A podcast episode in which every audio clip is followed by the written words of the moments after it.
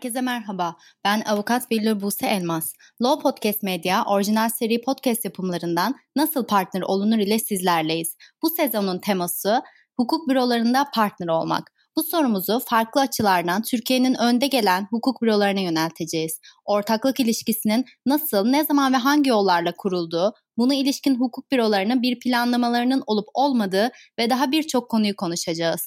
Bu bölümde Esin Avukatlık Ortaklığından İsmail Esin hocamız bizlerle. Sohbetimize geçmeden kendisini kısaca tanıtmak isterim. Geçmişten günümüze bir hatırlatma yaparsak İsmail Esin İstanbul Hukuk mezunu olup meslek hayatına 1992 yılında Marmara Üniversitesi Hukuk Fakültesi Medeni Hukuk Anabilim Dalı'nda araştırma görevlisi olarak başladı. Daha sonrasında ise doktorasını yapmak üzere 1996 yılında görevinden istifa ederek Almanya'ya Tübingen Üniversitesi'ne gitmiş ve 1997 yılında ise yurda dönmüştür. Sonrası ise hepimizin bildiği üzere Esin Avukatlık Ortaklığı'nın kuruluş süreci. Sözü daha fazla uzatmadan kıymetli konuğumuza bir merhaba demek istiyorum. İsmail Hocam hoş geldiniz.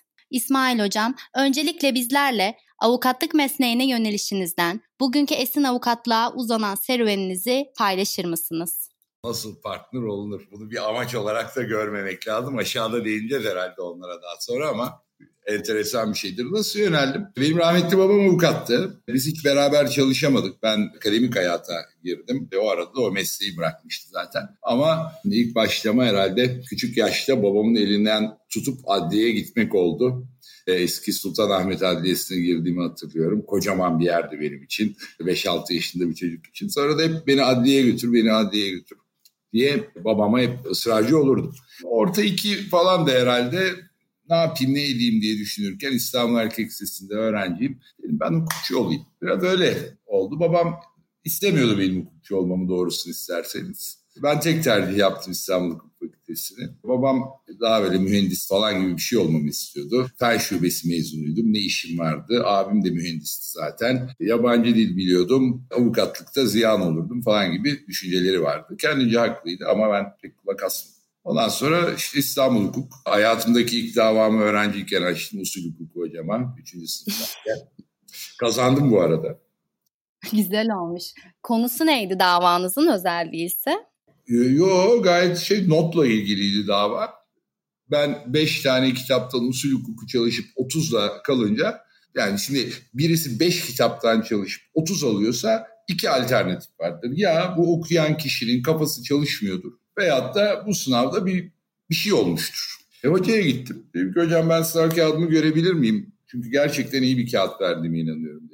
Yok dedi bunun tek yolu biliyorsun dava açmak dedi. Hocam siz buradasınız ben buradayım kağıtlar burada. Bunu görmem için niye şey yapıyorum dava açıyorum. Ben gerçekten özgüvenime yönelik bir soru aslında bu dedi. Kardeşim dava açman gerekiyor dedi. Hakikaten kendi kendime düşündüm. Eğer gerçekten kafam çalışmıyorsa gidip kendime başka bir iş bulayım. O aralar zaten yaz aylarında rehberlik yapıyordum.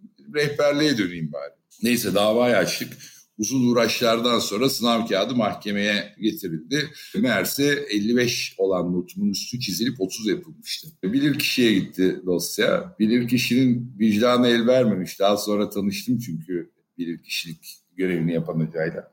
Ee, aslında biz not derse davalarında öğrenciliğine çok karar vermeyi tercih etmiyoruz veya çok mütalaa vermeyi tercih etmiyorduk ama Burada e, çok açık bir haksızlık vardı demişti yıllar sonra tanıştığımızda.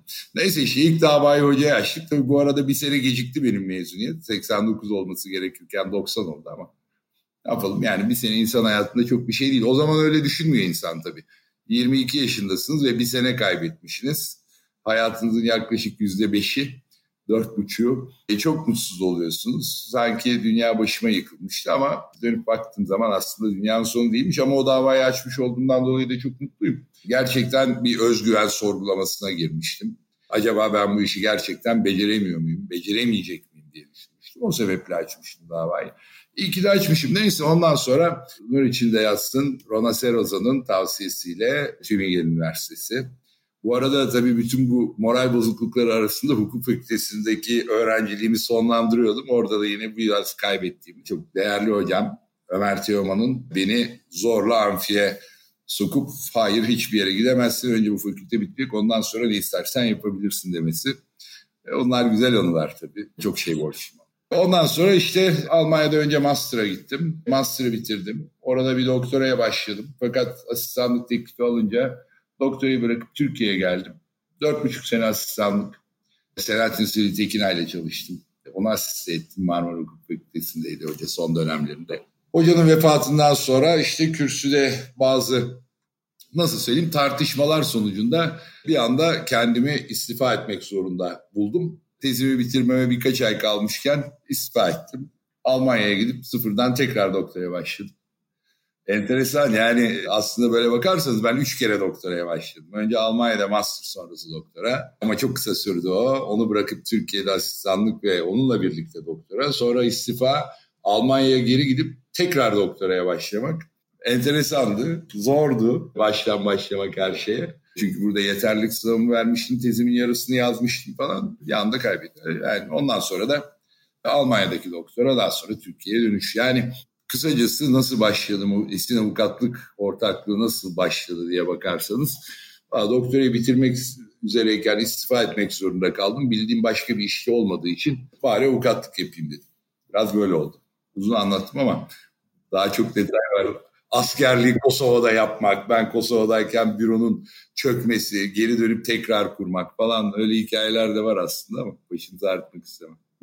yok yok İsmail Hocam gerçekten büyük bir azim örneği aslında. Hem doktoranız kaç kere başlamışsınız yeni baştan ki pek çok kişi bir sefer bile başlamaya cesaret edemiyorken doktora yoluna. Daha sonradan ofisinizde bu hani Kosova hikayesinden biraz bahsettiniz. Gerçekten hep bir esin avukatlığın zemininde aslında azminiz sağlamış yani bu sürece bu noktaya gelmenizi azminiz sağlamış gibi görüyorum ben. Ee, çok teşekkürler Azim değil aslında. Ben bu mesleği çok seviyorum. Gerçekten hı hı. yani avukatlığı da, hukuku da, bilim olarak gerçekten çok seviyorum. Eşimle ilk tanıştığımızda şey demiştim bak benim hayatımdaki en büyük aşkım bu iş. Lütfen daha sonra bununla ilgili bir sıkıntı yaşamayalım bile demiştim. Biraz patetik gelebilir tabii bunu söyle, söylem ama gerçekten çok seviyorum. Yani azim değil sevgi derdim herhalde. Ne seni yönlendirdi diye sorarsanız. Biraz o anlamda biraz bir duygusal karakterim galiba. Sevdiğim işi yapmak için gerçekten uğraşıyorum. E, zorluklarla karşılaşıyor insan. Şey yapmamak lazım. Gençlerde özellikle şunu çok fark ediyorum. Ya zannediyorlar ki herkes çok başarılı, herkesin hayatı çok şanslı, çok mutlu ve böyle yolları hep birileri tarafından açılarak falan geçti. Alakası yok. Yani hepimiz zorluklar çekiyoruz. Burada fukara edebiyatı yapacak değilim. Ama dört buçuk sene o günün parasıyla işte 300 dolara denk gelen bir asistan maaşıyla yaşamak ve aileden hiç para almadan tabii ki bütün bunları yapmak e, bayağı meşakkatliydi. İşte ben askere gittim 2 Ağustos 1999'da. 17 Ağustos'ta deprem oldu. Ben daha yemin etmemiştim. Bedelli çıktı. Benim akranlarım ki ben 33 yaşında gittim askere. Doktoradan sonra çocuğum vardı. Büyük oğlum Gökhan 8 aylıktı. Bittim daha ben yemin etmeden bedelli çıktı. Aslında ne büyük bir hata yapmışım değil mi? Bir sonraki dönemi beklememek suretiyle dersiniz. Ama bugün geriye dönüp bakıyorum. İyi ki askere gitmişim ne öğrendim derseniz kaybetmeyi öğrendim. Bir de hep kazanmayı öğretiyorlar. Diyorlar ki şunu yap kazanırsın, bunu yap kazanırsın. Sen hep kazanan olmalısın. Hayır kaybet, kaybeden olmak güzel bir şeydir. Çünkü o zaman sahip olduğunuz şeylerin değerini daha iyi anlıyorsunuz. Hep şunu söylüyorum. Kaybetmeyi göze alabildiğimiz şeylere biz sahip oluruz. Kaybetmeyi göze alamadığımız şeyler bize sahip olurlar. Oturun hayatınızda ne varsa bakın bakalım kaybetmeyi göze alabiliyor musunuz, alamıyor musunuz? O zaman kim kime sahip anlarsınız. Ailenizi kaybetmeyi göze alamıyorsunuz aslında siz ailenize aitsiniz demektir. Arabanızı kaybetmek sizin için dünyanın sonu değilse arabaya gerçekten siz sahipsiniz demektir. Yoksa dolu yağacak diye arabanın tavanına çıkacak kadar şey yaptıysa diye araba size sahiptir aslında siz direksiyon tutsanız. E, askerde de bunu öğrendim galiba. Çok değişik insanlarla iletişim kurmayı öğreniyorsunuz. Kosova'da yaptım. Hayati tehlikenin ne olduğunu öğreniyorsunuz. Sıfırdan yeni bir hayat kurmanın aslında imkansız olmadığını öğreniyorsunuz. Göze almak demiştim ya. Sıfırdan bir hayat kurmak sizi korkutmuyor. E zaten biraz önce de bahsettim doktorada da sevdiğim için vazgeçmedim. Bu da Öyle bir şey. Yaşamayı da seviyorum. Olduğum yerden hep mutlu oldum. Bazı insanlar sahip oldukları şeyin keyfini çıkaracağına sahip olamadıkları şeyin üzüntüsüyle yaşıyorlar. Yazık günah yani. Vallahi üzülüyorum onlar için. Yani bu meslekte de hayatta da değişik pozisyonları yaşadım. Hepsiyle de barışığım. Öyle olması gerekiyordu. Öyle oldu. Onun için bir pişmanlık yok hayatımda. Çok güzel anlattınız İsmail Hocam. Çok teşekkür ederim. Ben de herkes adına gerçekten bu yayını dinleyecek eminim. Avukat Hatta başka mesleklerden arkadaşlar da gerçekten çok fayda sağlayacak anlattıklarınızdan. Ben diğer soruya geçmek istiyorum. E, şu anda 13 partner ve 90'a yakın avukat ve yasal stajyerin çalıştığı bir hukuk bürosunu yönetmektesiniz. Bu baktığımız zaman kurum olarak büyük bir çeşitliliğin olduğunu gösteriyor bize. Siz esin avukatlıkta bu ahengi nasıl sağlıyorsunuz ve bu ahengin sağlamasında büro olarak temel değerleriniz nelerdir diye sormak istiyorum ve kısa bir ek soru olarak da bu ahengin sağlanmasında çalışma arkadaşlarınızın rolünü nasıl değerlendirdiğinizi öğrenmek istiyorum. Aslında sorunun cevabı sorunun kendisinden daha kısa galiba. Sihirli bir şey istiyorsun. Oldukları gibi kabul ederek aslında. Çok basit. İnsanları oldukları gibi kabul ediyoruz. Neyse. Yeter ki iyi insanlar olsun. Bir kere bu yönetim anlayışında bence en kritik nokta bu. Ben yönetmiyorum tabii bunu. Ben yönetenlerden bir tanesiyim. Hepimizin değişik sorumluluk alanları var. Ben insan kaynaklarında sorumluluğu üstlenmiş durumdayım ama bir yönetim komitemiz var. Dört kişiyiz orada. CFO'muz ve harika iki tane ortağım da o komitede.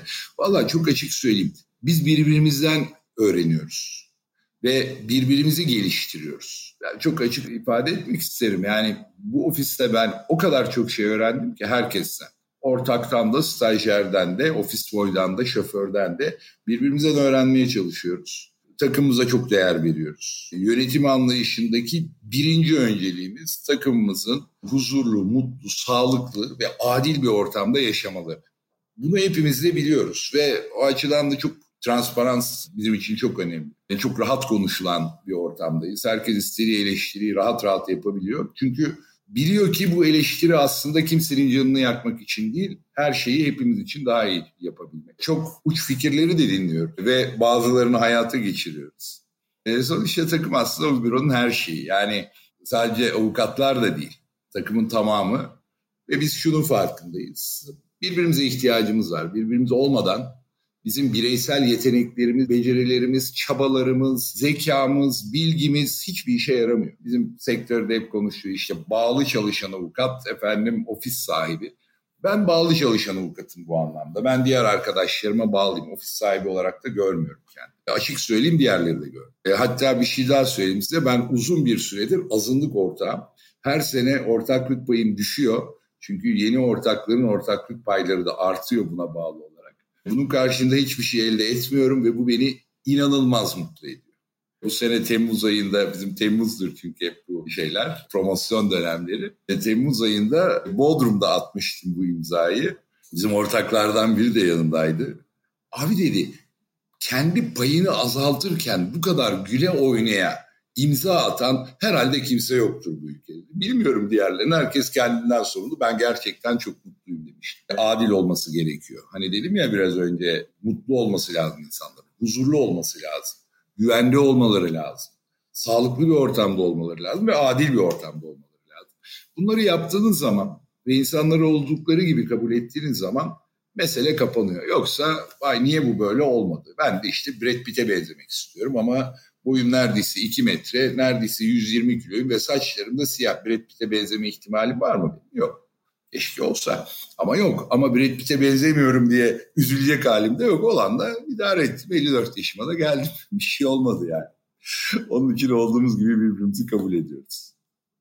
Ya İsmail Hocam çok güzel anlattınız. Açıkçası dışarıdan bir göz olarak ben gerçekten Esin Avukatlığı'nın ekip olmayı gerçekten başarabilen ofis olduğunu düşünüyorum. Yani sektörde pek çok ofis var ama sizin ofisinizdeki yani Esin Avukatlık bünyesindeki herkes sizin bahsettiğiniz gibi o aidiyetliği gerçekten bir ekip olmayı, o Esin Avukatlığın altında bir ekip olarak birbirini besleyerek çalışmayı gerçekten içten olarak gerçekleştiriyor diye görüyorum dışarıdan bir göz olarak. Bunu sağlamanız da bence çok anlamlı, çok güzel bir şey. Katkınızın ne derece büyük olduğunu zaten o pay kısımlarında anlıyoruz bence. O yüzden yani gerçekten bir sektörden biri olarak teşekkür etmek isterim. Estağfurullah. Bakın gençlere fırsatları vermek gerekiyor. Herkes gençlerden şikayet ediyor. Sokrates bile şikayet etmiş. Bu gençler bu Atina'nın sonu olacak falan diye. Ben de hep gençlere güvendim. Mesela işte şu aralar çok söylenen şeylerden biri. Nerede eski hocalar? Pardon o eski hocaların çoğundan ders aldım. E şimdi gelin yenileri sayalım. Yani eksiği yoktur fazlası vardır. Galatasaray Hukuk Dekanı Tolga Ayoğlu. Müthiş bir hukukçudur. Anlam Altay. Müthiş bir hukukçudur. Burak Özen harika bir hukukçudur. Bakın Yeşim Atamer İsviçre'de profesör oldu. Benim akranımdır Yeşim. İsviçre'de kürsü sahibi olan hem de profesör olarak oraya transfer edilen benim bildiğim ilk hukukçu Türktür. İlk hukukçu kadın Türktür. Gurur duyuyorum. Yani onun için gençlere fırsat verilirse ben daha iyilerini yapacaklarına inanıyorum. Ve eğer gençler bizden daha iyi olamıyorlarsa bu gençlerin tembelliği değil bizim onları doğru motive edememizdir diye düşünüyorum. Bu anlamda mesela gençlerin önünü kapatmamak için benim bir taahhüdüm var ofise. 55 yaşımda emekli olacağım dedim. Normalde birçok ofise gidin bakın. Aman en yaşlı abi emekli olsun da işte bizim de payımız artsın, etkinliğimiz artsın falan diye bakıyor insanlar hemen partner olmak madem konu. Ama bizimkilerin ne yaptığını söyleyeyim size. Abi hiçbir yere gidemezsin. Otur oturduğun yerde en az 60'a kadar burada oturacaksın dediler. Ve benden taahhüt aldılar. Yazılı değil ama sözlü taahhüt aldılar. Bizim aramızda söz esastır çünkü. Açık söyleyeyim ben onların önünü açmak için uğraşıyorum. Onlar birlikte olmaktan keyif alıyorlar. Beraber çalışmaya devam edelim diyorlar. Bu anlamda Allah bozmasın çok güzel bir uyumumuz var. Ha bu kendi kendine de olmuyor. Hayatta edindiğimiz deneyimler bunu sağlıyor. Bunu açıklıkla söyleyeyim. Ben belki de Türkiye'de ortaklığı en çok deneyen ve mutsuz olduğu ortaklıklara rağmen bunun bir takım çalışması olduğu fikrinden hiç vazgeçmeyen, sizin ifadenizde azim, benim ifademle sevgiyle bunu devam ettiren biriyim. Açık söyleyeyim ben daha önce birlikte ortaklık yapmaktan büyük mutsuzluk hatta birkaç tanesi için ya utanç diyeceğim artık duyduğum insanlara bile müteşekkirim. Niye biliyor musunuz? Eğer bana kötü ortağın insanın ne kadar kötü hissetmeni sağladığını göstermemiş olsalardı ben şu andaki ortaklarımın kıymetini belki bu kadar bilemezdim. Ben kötü ortağın neye benzediğini biliyorum. Yani Covid döneminde de söyleyeyim antikor ürettim o anlamda. Bu sayede iyi ortağın kıymetini biliyorum. Şu andaki dostlarım, kardeşlerim, ortaklarım gerçekten hepsi birbirinden değerli. Ben onların kıymetini bilmeye çalışıyorum. Daha da çok etmeye çalışıyorum. Çok teşekkür ederim İsmail Hocam. Biraz önce de bahsetmiştiniz. Siz insan kaynakları kısmında daha e, yönetim ağırlığınız bulunmakta. O konuyla ilgili bir soru sormak istiyorum ben. Çalışanlarınız için büronuzda kariyer planlaması uygulandığını düşünmekteyiz. Bu konunun detaylarını sohbetimizin ilerleyen aşamalarında da zaten konuşacağız. Merak ettiğimiz ise İsmail Esin olarak bu kariyer planlaması konusunda özgül bir ağırlığınız var mı? Çalışanlarınızın terfilerinde ve belki ortaklığa giden kariyer adımlarında sürece ne ölçüde dahil oluyorsunuz? E, bir kere sürece dahilim öncelikle onları desteklemek yönünde oluyor. Ama kariyer kararlarını ben tek başıma vermiyorum. Bütün seviye atlamalar, promosyonlar, bonuslar bunların hepsi e, management komitede verilen kararlar. Benim tek başıma bir etkim olmuyor doğrusu isterseniz. Bizde her seviyeyle ilgili yani şöyle söyleyeyim stajyer başlıyorsunuz. 3 yıl junior lawyer olarak, junior associate olarak çalışıyorsunuz. 3 yıl mid-level, 3 yıl senior oluyorsunuz. Ondan sonra da artık partner track'e giriyorsunuz. Yani yaklaşık 10 yıl sürüyor stajdan itibaren partnerlik yolculuğu. Bütün bu yolda valla hepsinin elinden tutmaya çalışıyoruz. Bir sonraki aşamaya geçmeleri için gerekli desteği veriyoruz ama kriterleri sağlamak onların görevi. Yani benim çok sevdiğim koçum basketbol oynarken Koray Minçinoğlu'nun yapıydı. Ben size şut çekmeyi, turnike atmayı, hücumu savunmayı öğretirim ama maçı kazanmak için sizin yüreğinizi oyuna koymanız gerekiyor. Bunu ben yapamam, bunu siz yapacaksınız. Yaparsanız bu iş olur. Ben de biraz onu uyguluyorum galiba. Onlara fırsatları vermek için çabalıyorum ama sonuçta onların da yapmaları gereken şeyler olduklarını söylüyoruz. Ve dediğim gibi her bir aşamanın gereklilikleri, beklentiler, olması ve olmaması gereken şeyler konusundaki nasıl söyleyeyim kriterlerimiz belirli. Bunu da herkes biliyor gayet de transparan bir şey. Hukuk devleti de aslında öngörülebilirliği ifade etmez mi? Hukuk devletini tek kelimeyle tanımla deseniz öngörülebilirliktir. Ne yaparsam ne olacağını biliyor olmaktır. İşte kariyer de biraz ona benziyor. Ben ne yaparsam bir sonraki aşamaya geçerim ve ne yaparsam bir sonraki aşamaya geçememi insanların biliyor olması lazım. O da aslında kendilerini güvende hissetmelerini sağlıyor. Benim iki dudağımın arasında değil yani hiçbir şey. Olmaması konusunda çok özen gösteriyorum. Ahmet'i çok seviyorum ama Zeynep'i sevmiyorum. O zaman Ahmet partner olsun, Zeynep olmasın diye bir şey söz konusu olamaz. Kriterler bellidir. O kriterlerin gereği yerine getirilirse bu olur. Ha tabii bu kriterlerin arasında hem soft skill'ler var hem hard skill'ler var. Yani efendim üniversiteyi birincilikle bitirdim. Çok zekiyim, acayip de bilgiliyim ve rakamlara baktığınız zaman da en çok ben çalışıyorum, en çok da ben kar elde ediyorum. Onun için her şey benim hakkım. Teşekkür ederim. Sen bunu yaparken eğer senin ekibin mutsuzsa, senin ekibindeki insanların yüzü gülmüyorsa, senin ekibindeki insanlar suffer ediyorlarsa kötü bir lidersin demektir. Kimse kusura bakmasın o liderlik özelliklerini önce bir düzeltmen gerekiyor. Ondan sonra rakamlara da bakarız, bilgi seviyesine de bakarız, yeteneğe de bakarız ama önce soft skill'ler. Bunun için de çok enteresan çalışmalarımız var. Mesela dışarıdan danışmanlık aldığımız bazı yerler var. Partner seviyesi artık bizim için gerçekten çok önemli bir aşama olduğu için Efendim bunlar Londra'ya gidiyorlar. Orada yaklaşık dört gün bir e, assessment center'dan geçiyorlar. Ve o assessment center'dan gelen rapora göre hareket ediyoruz. Ha, bu rapor bağlayıcı değil tabii ki. Sonuçta onlar bize danışmanlık veren bir service provider. Ama bugüne kadar hep doğru tespitler yaptığını gördüm. Çok da işimize yarıyor. Bizim için önemli veriler sağlıyorlar. Bayağı tiyatro oyuncuları falan geliyor. Onlar belli roller oynuyorlar orada. Ben de geçtim bu arada bu eğitimden. Çok faydalandım. Empati duygunuza bakıyorlar, liderlik niteliklerinizi inceliyorlar ve bununla ilgili bir rapor yazıyorlar. Ondan sonra biz oturuyoruz management komite olarak. Elimizdeki bütün verileri topluyoruz. Bu rapor da onlardan bir tanesi. Yoksa rapor böyle yazıyor ama veriler aksini söylüyor falan gibi bir şey yok. Mesela geçen sene tersi oldu. Rapor bence belli özelliklerini kaçırmıştı bir arkadaşımızın. Evet rapor da bir veriydi ama biz diğer verileri de dikkate alarak mesela park kurulunu onayladık bir arkadaşımızın. Enteresan geliyor belki size ya İngiltere'ye assessment center'a insan yollamak duymadığımız bir uygulama gerçekten ama çok kıymetli bir uygulama. O yüzden zaten bahsettiğim bu çalışan herkesin bir ekip olarak kendini güvende ve mutlu hissetmesi Esin Avukatlık çatısı altında zaten bunların bir sonucu bence. Ben de öyle oldum. Yani yoksa benim iki dudağımın arasında olsa yani onun da örneklerini yaşadı bu sektör. Benim diğer soruma geçmek istiyorum ben o zaman. Birazcık zaten bahsettiniz bu ortak olmak için sahip olması gereken niteliklerden söz ettiniz. Biz bu soruyu daha genel çaplı olarak sormak istiyoruz. Yani sizin hukuk sektöründeki tecrübeniz ortada. Sizin şahıs olarak kurumsallaşmaya verdiğiniz önem de ortada. Sizce bir avukatın büyük ölçekli bir hukuk bürosunda ortak olması için sahip olması gereken nitelikler nelerdir? Bu zaten liderlik vasıflarından söz ettiniz.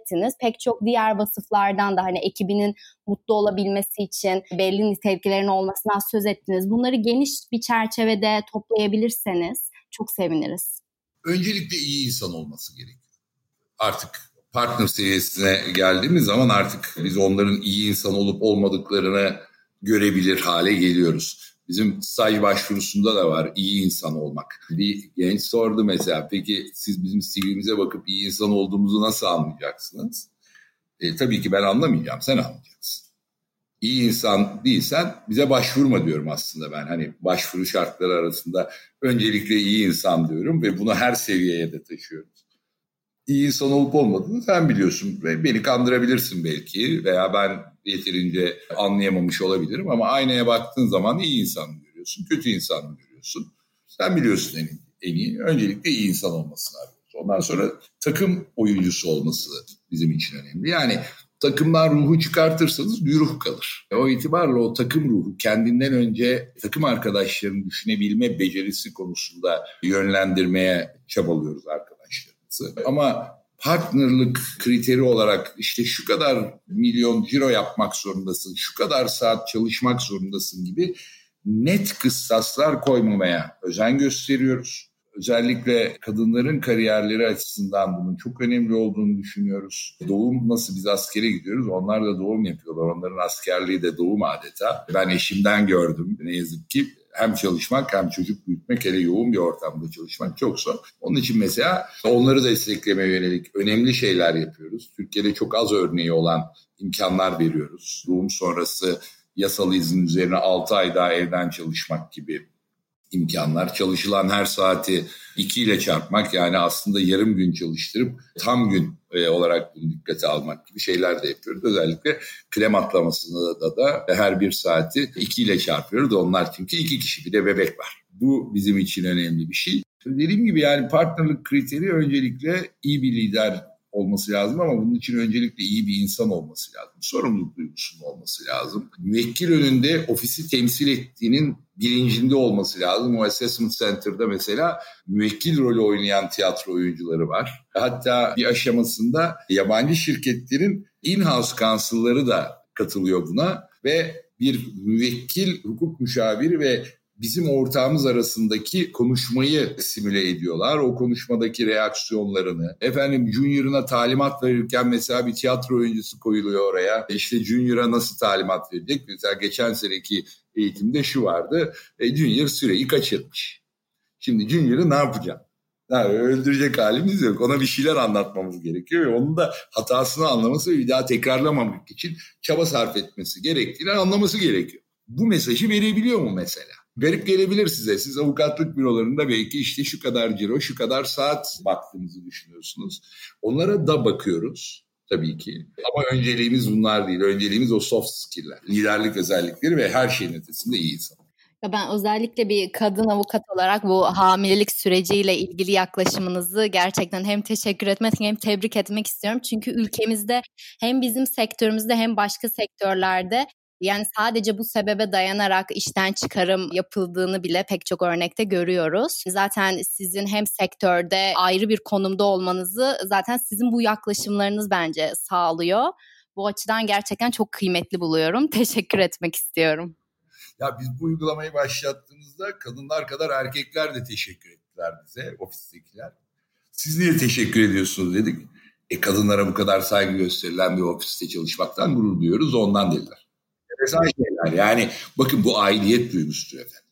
Evet. İçinde bulunduğum kurum meslektaşlarına ve meslektaş olmayan diğer takım arkadaşlarına nasıl davranıyor?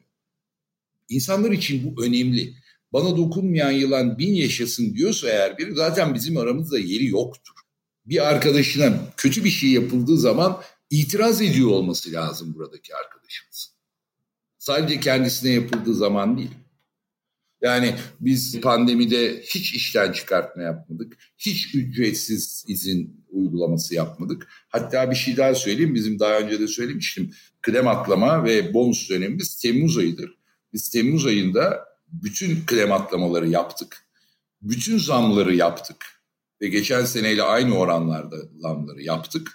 Ve bir de üstüne bonus ödedik. Bu sene Temmuz ayında oluyor. Ve bazı bürolar pandemi çıkınca kimi işten çıkaralım diye koridorlarda dolaşırken biz ilk yaptığımız iş neydi biliyor musunuz pandemi Türkiye'ye ulaştığında? Biz sigorta şirketimizi aradık efendim. Bizim sigorta kapsamımız oldukça geniştir. En dar kapsamlı sigorta bende çünkü ben daha önce bir kanser geçmişi olan bir sigortalı olduğum için her sigorta şirketi beni kabul etmiyor. Bizde ofis boyun sigorta poliçesiyle partnerin sigorta politikası eşittir. Ve Türkiye'deki bütün hastanelerde tedavi görme imkanımız vardır. İlk sorduğumuz şey sigorta şirketimize pandemiyi kapsıyor mu bizim sigortamız diye sorduk. Allah vermesin bir arkadaşımız hastalanırsa en iyi tedaviye ulaşmasını sağlayabilmek için. Bizim önceliğimiz buydu. Bazıları koridorda dolaşıp da işten çıkaracak avukat ararken biz onları düşündük. Kendilerini güvende hissetmeleri lazım diyorum. Ya bizde hayat sigortası bile var efendim çalışan çok düşük de değildir rakam. Bizde her çalışanımızın hayat sigortası. Evet. Ben bu pandemi döneminde sizin esin avukatlık olarak çalışanlarınızın evlerine gönderdiğiniz bu bazı kitleri görmüştüm, bazı paketleri. Onlar bile gerçekten aslında o aidiyetliği e, bence besleyen şeyler. Hani ufak şeyler belki ama insanı hem de bu karantina dönemlerinde bence gerçekten mutlu edebilecek şeyler. Gördüğümde de zaten ne kadar güzel düşünülmüş demiştim. Sağ olun. Bakın bu dönemde tabii ki ağırlıklı olarak avukatlar işlerini evden yapmaya devam edebildiler. Onda da yine Bu esnek çalışma programını biz başlatılı yaklaşık 5 sene olmuştu. Biraz o sayede o kaslarımız gelişti. Bir sıkıntı yaşamadık. Ama sonuçta araba kullanmayan şoföre, fotokopi çekmeyen ofis boya da maaş ödemeye devam ettik. Benim avukat arkadaşlarım ne dediler biliyor musunuz? Büyük zevkle çalışıyoruz. Çünkü bu ofisin gelir elde etmesi sayesinde işini yapamayan arkadaşlarım da maaşlarını almaya devam edebiliyorlar. Ve bu, bu bizi mutlu ediyor dediler. Bunu söyleyen çok sayıda avukatımız var biliyor musunuz? Hiç kimse ya ben çalışıyorum ama şoför çalışmıyor. Şimdi ben çalışacağım ama maaş alacak diye düşünmedi. Tam tersini düşün.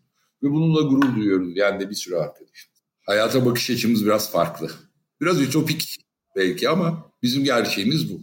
Evet yani bizim ülkedeki hukuk sektörüne göre gerçekten birazcık ütopik kalıyor gerçekten ama e, çok da kıymetli kalıyor. Yani dediğim gibi ekip olmayı gerçekten başarabildikleri için bence sizin de katkılarınızla, sizin yaklaşımlarınızla ve tabii ki kişileri de seçerken zaten bunu baz aldığınızı da söylediniz. O ekip olmayı başarabildikleri için yani diğer çalışanların da mesela pandemi döneminde iş yapmayan kişilerin de maaşlarını düşünebiliyorlar. Yani bu çok sık karşılaştığımız bir örnek değil açıkçası. Bu bizim kültürümüzün bir parçası. Biz Pride Week'te gökkuşağı bayrağı asıyoruz. Yani burada herkes LGBTI falan değil. Ama onlara duyulan bu saygı, onlara oldukları gibi kabul edildiklerini göstermemiz herkesi mutlu ediyor. Çünkü bu bizim kültürümüzün bir parçası birbirimizi olduğumuz gibi kabul etmek. Yeter ki iyi insan olsun, yeter ki iyi takım oyuncusu olsun. Gerisini hallederiz. Hukuk bilgisi eksikmiş, tamamlarız hiç dert değil. İngilizcesi çok iyi değilmiş. O da sorun değil. Ana dili İngilizce olan editörümüz de var. Özel ders aldırma imkanlarımız da var. Yeter ki iyi insan olsunlar. Çok teşekkürler İsmail Hocam. Ben diğer soruma geçmek istiyorum. Esin avukatlığa baktığımızda 1997 yılına dayanan bir mazisi var. Üstelik 2012 yılı itibariyle farklı bir boyutu ulaşıyor. Buradan şunu sormak istiyorum. Biliyorsunuz ülkemizde bir çeyrek asrı, yarım asrı geride bırakan büro görmek çok mümkün değil. Sizce bir hukuk bürosunun büyümesini sürdürebilir kılmasında önemli olan faktörler nelerdir? Özellikle kurulan ortaklıkların kısa süreli olduğunu görüyoruz. Sizce ne yanlış yapılıyor olabilir? İki şey söyleyeceğim. Bir takıma inanmanız ve takıma güvenmeniz gerekiyor. Ben kariyerimi takımıma borçluyum. Şu andaki ve geçmişteki takım arkadaşlarıma borçluyum. Ve aslında işimi yaparken de onlara borcumu ifa etmeye çalışıyorum. Yani çeyrek asır aslında çok bir şey değil. Yurt dışında baktığın zaman çeyrek asırlık onlarca yüzlerce büro bulabiliyorsunuz. Nasıl yapıyorlar da yapıyorlar. Bir kere Türkiye'deki bürolardaki parçalanma ben büronun herhalde hani nasıl bilgisayar programlarının değişik versiyonları var. Bizim kaçıncı versiyon olduğumuzu ben saymaya kalksam bayağı bir versiyon olmuştur. Hep kendimizi yenilemeye çalıştık. Kere en önemli şey bu. Sorguladık acaba yaptığımız, dün yaptığımız bugün hala doğru mu yoksa bugünün doğrusu başka bir şey yapmamız mı gerektiriyor diye. Bir de tabii dediğim gibi birinci sütun işte takıma güvenmek, takıma inanmak. İkincisi de ego yönetim. Bakın biz avukatlar egolarına ihtiyaçları olan insanlarız. Yani ben aynaya baktığım zaman iyi bir avukat görürsem daha iyi bir avukat yapabilir bu beni.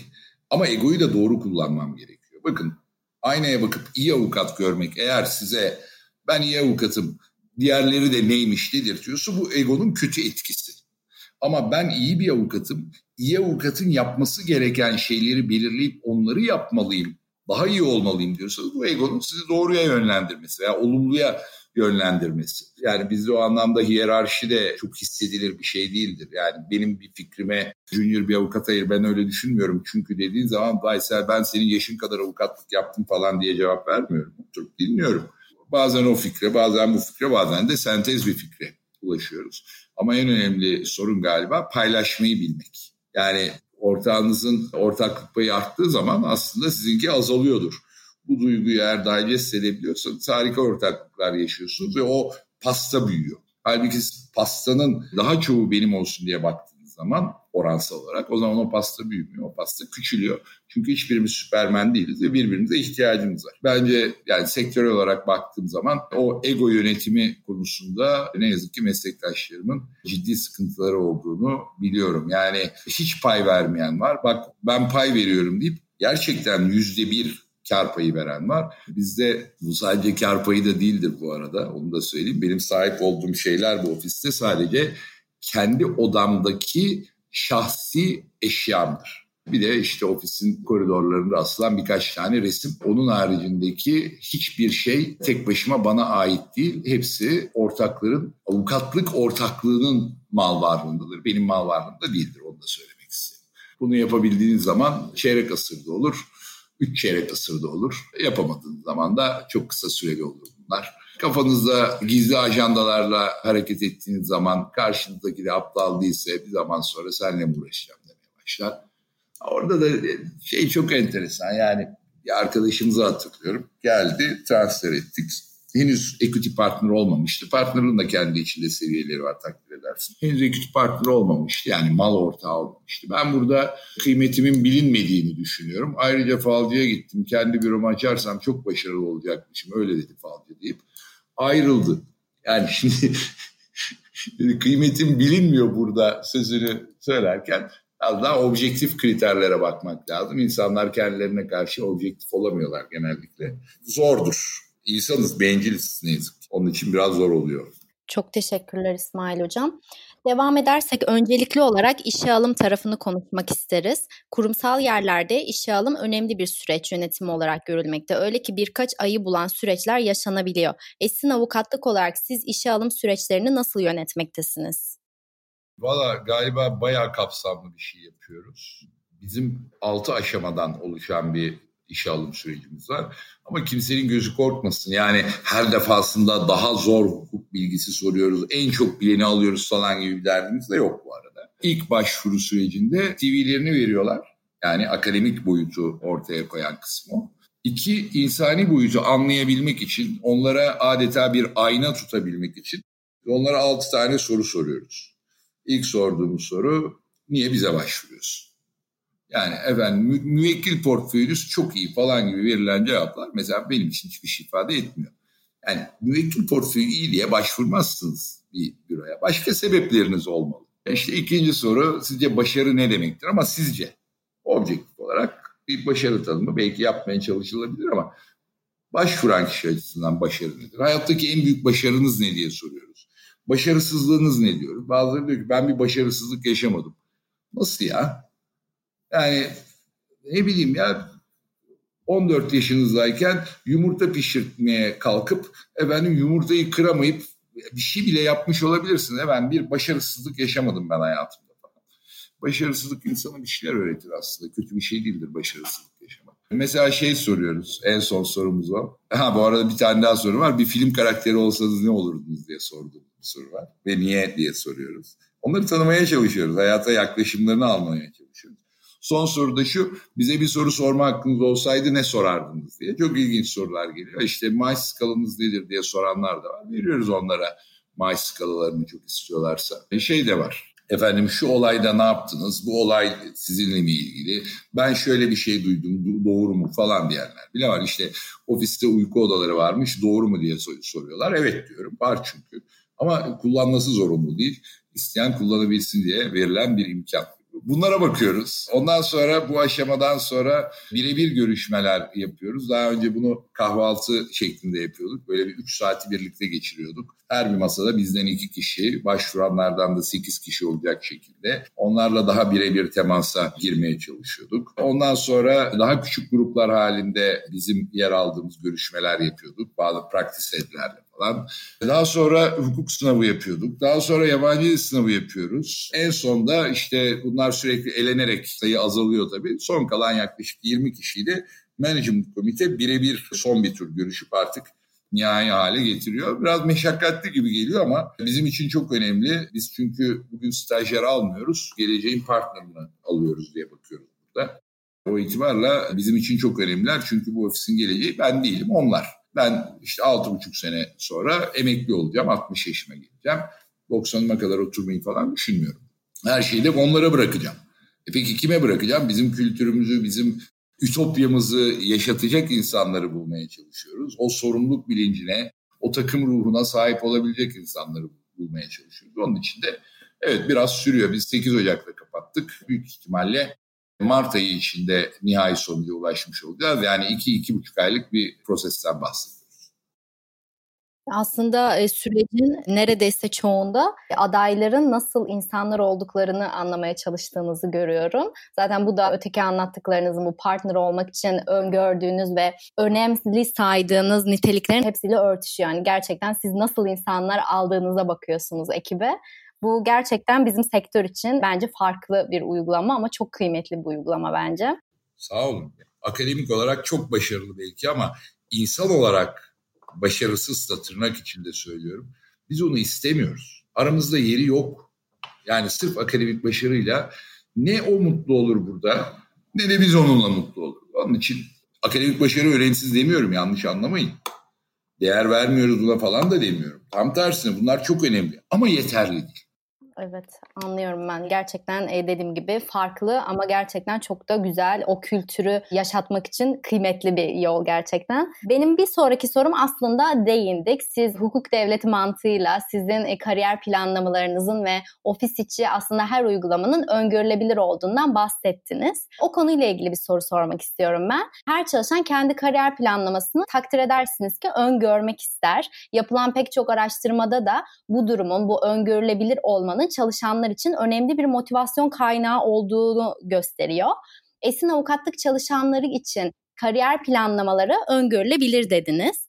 E, kurum olarak çalışanlarınızın özellikle ortak avukat olarak derecelendirilmelerinde kendilerini nasıl bir yol beklemekte?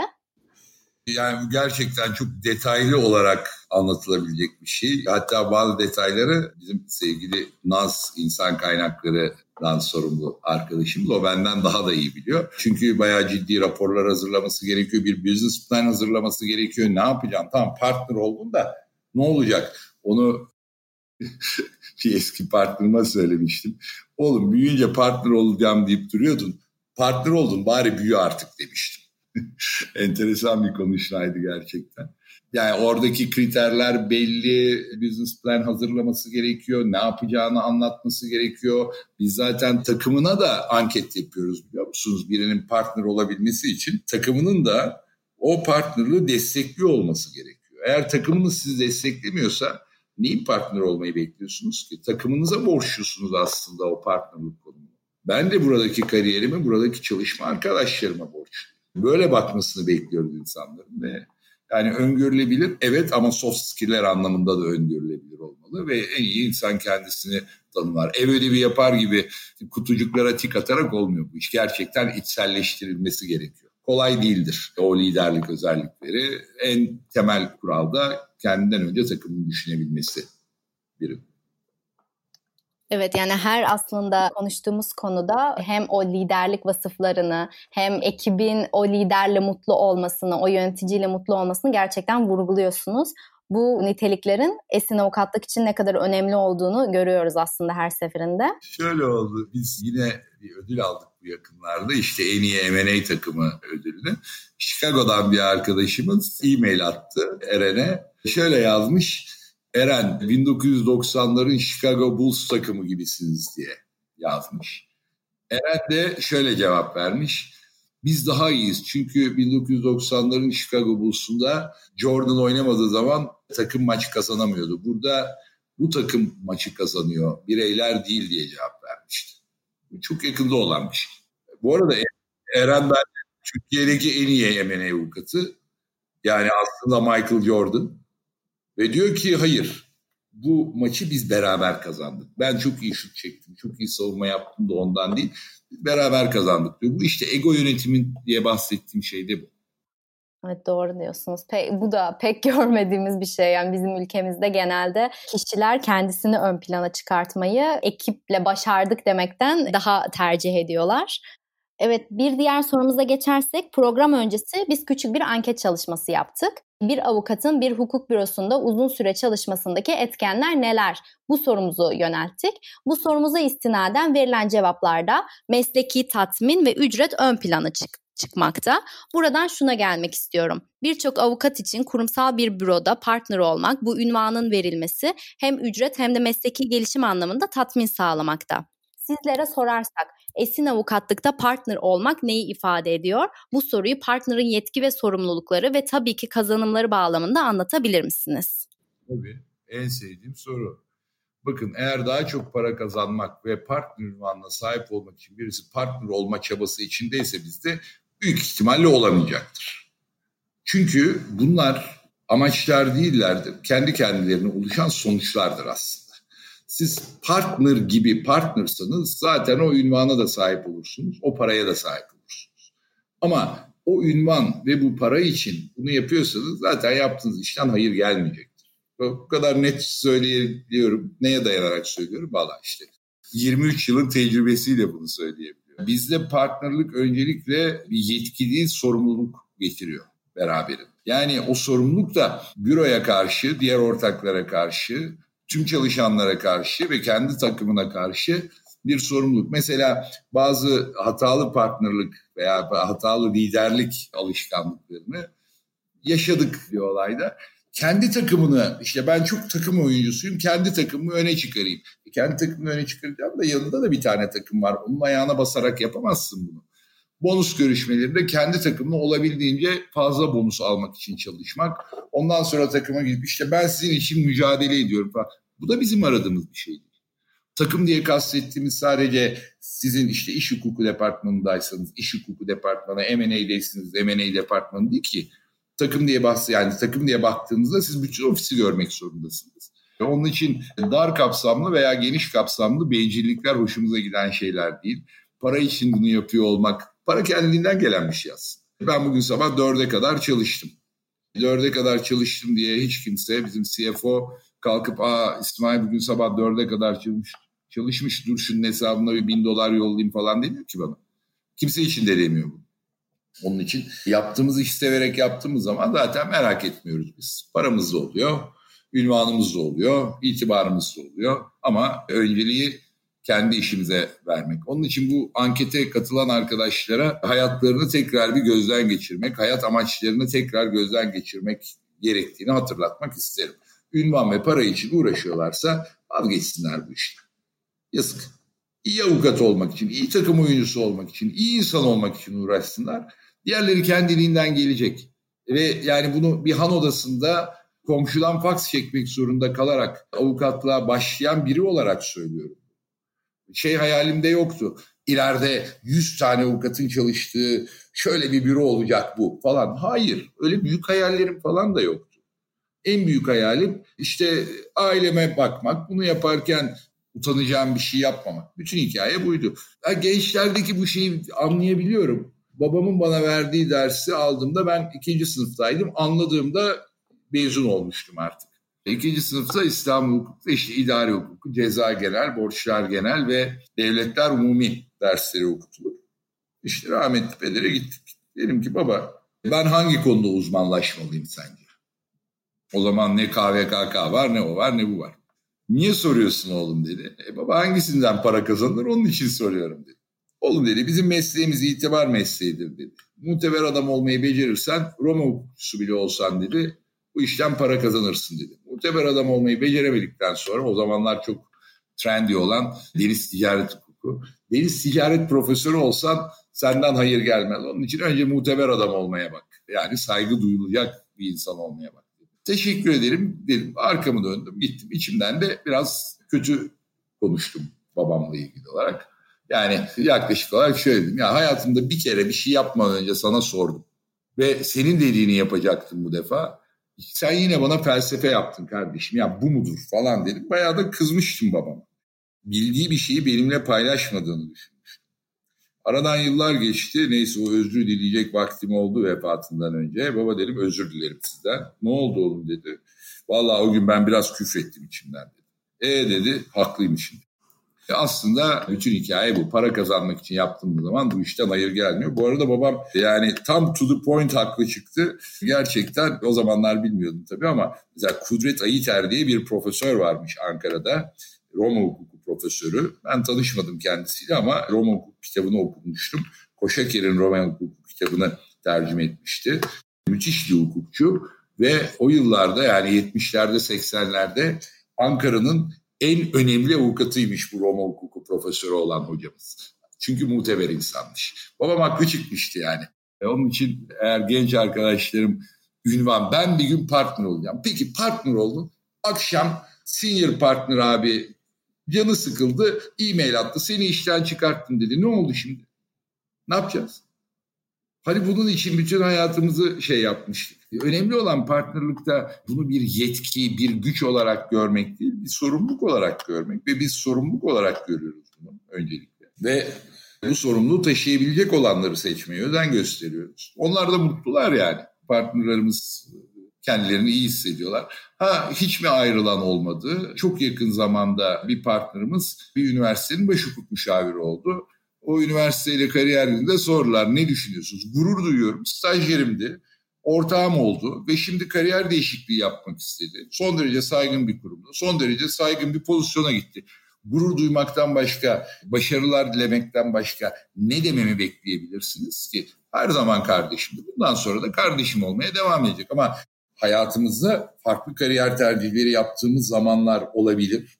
Bundan daha doğal bir şey olamaz. Biz alumni'larımızla da ilişkimizi hala devam ettiriyoruz. Onlar çünkü buranın buraya gelmesinde geçmişte katkısı olan insanlar. Onlara da borçluyuz. Onlara da iyilik borçluyuz. Onlara da sevgi borçluyuz. Onlara da saygı borçluyuz. Sayıları da az değil bu arada. Biz alumni eventleri yapıyoruz. Yurt dışından sırf alumni eventine katılmak için kalkıp gelen arkadaşlarımız var. Onlarla her biriyle gurur duyuyor. Bizi hiç mahcup etmediler. Bu toprağa yani yetiştikleri toprağı yanlarında götürdüler.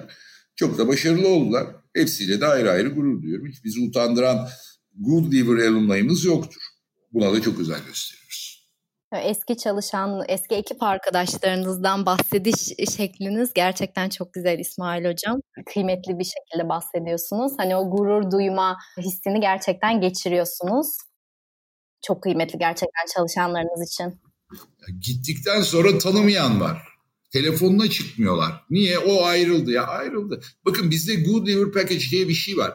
Senenin herhangi bir günü herhangi bir arkadaşımız herhangi bir saatte diyebilir ki ben ayrılıyorum. Peki yolun açık olsun al sana iki maaşta ikramiye veriyoruz ayrılık bonusu. Abi bazen şey diyorlar mobbing var mı sizde? Yok abi gidene bile üstte para veriyoruz. Niye ben mobbingle uğraşayım? Hiç anlamı yok. Çünkü onların da bizden sonraki hayatlarına iyi bir şekilde devam edebilmelerini sağlamak bizim için önemli bir şey. İsmail Hocam bir önceki sorumuzda hukuk bürosunu ortak almanın çalışan için önemini sorduk size. Özellikle yakın zamanda önemli isimler ortak avukat olarak büronuza katıldı. Bu bağlamda sizce hukuk bürosu tarafında kurulan bu ortaklıkların etkisi, önemi ne olmakta? Şimdi bu bir ortaklık kurma değil tabii. Biz merge etmedik büroyla ama çok değerli takım oyuncuları transfer ettik. Bunlardan bir tanesi Yalın Akmenik. Çok önemli bir büroda 16 yıl çalıştıktan sonra ve orada Head of Dispute'ken biz de çalışmayı tercih etti. Keza yine partner level'da yaklaşık bir sene önce hemen hemen aynı dönemlerde transferimiz Hakan Özgökçen var. O da daha önceki çalıştığı büroda partnerdi. O da çok önemli bir transferdi. Ondan bir sene önce İlay'ı transfer ettik. KVKK konusunda bize güç katması için o da önemli bir transferdi. Biraz daha geriye gidersiniz yine partner seviyesinde 2013 yılında Erdal Ekinci ve Eren Kurşun'u transfer ettik. Çok önemli transferlerdi.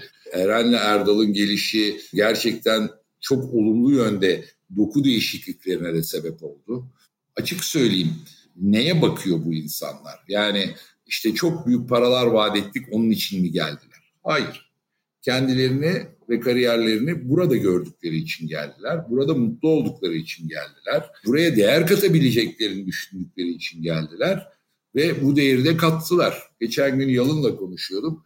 Yalın'cığım sen geldikten sonra bir şey fark ettim dedim. Hayırdır abi ne fark ettin dedi. Sen gelene kadar biz bir kişi eksikmişiz kardeşim.